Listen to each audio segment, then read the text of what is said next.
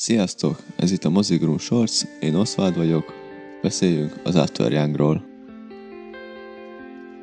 Mi lenne, ha társadalmunk részei olyan androidok lennének, amelyek képesek emberi érzelmek gyakorlására, emlékek létrehozására?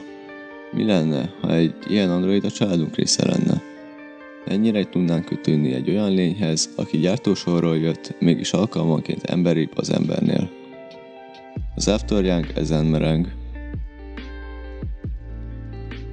Ezt a családot Jake, Kira, az örökbefogadott lányuk Mika és Young alkotja. Young egy nap elromlik és úgymond kómába esik. A film az esetleges elvesztés fájdalmára, a Young hiánya miatti űr kitöltésére, Young múltjára, jelentőségére, szerepére és önmaga megértésére fókuszál. A rendező az a Kogonada, aki a 2017-es columbus és a jelenleg is futó Apple TV Plus-os Pachinkót is jegyzi.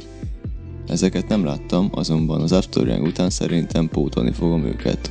A rendezés tekintve egy szükségszerűen lassú, melankólikus, merengő, érzékeny munkát láthatunk. Nincs felesleges akció, vagy dű, vagy bármilyen kitörő érzelem. A leglátványosabb érzelmi kicsapódás egy asztalra csapás. Ha hasonlítani szeretném, akkor hasonló kategória a film, mint a Her, az Ex Machina vagy a 200 éves ember. Azonban ezekkel ellentétben ez sokkal kisebb volumenű, sokkal személyesebb történet.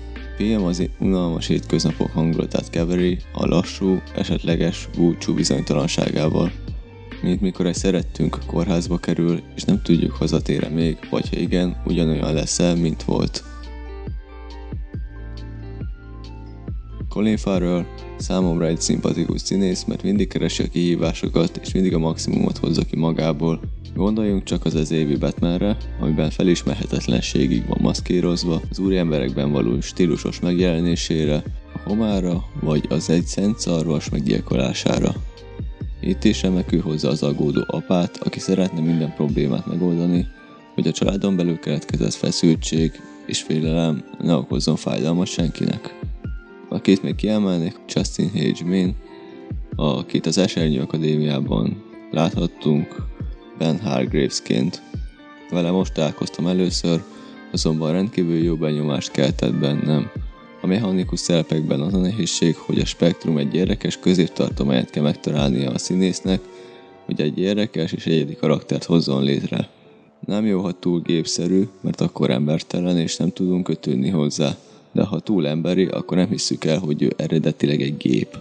Justin találta egy nagyon érdekes sávot ebben a spektrumban. Van köré egy rejtély építve, miközben elsőre és kívülről nem tűnik többnek, mint egy android érdekes fanfektel Kínáról. Minél jobban meg akarjuk oldani a rejtélyét, annál színesebb, emberibb lesz, anélkül, hogy elfelejteni, hogy ő egy gép.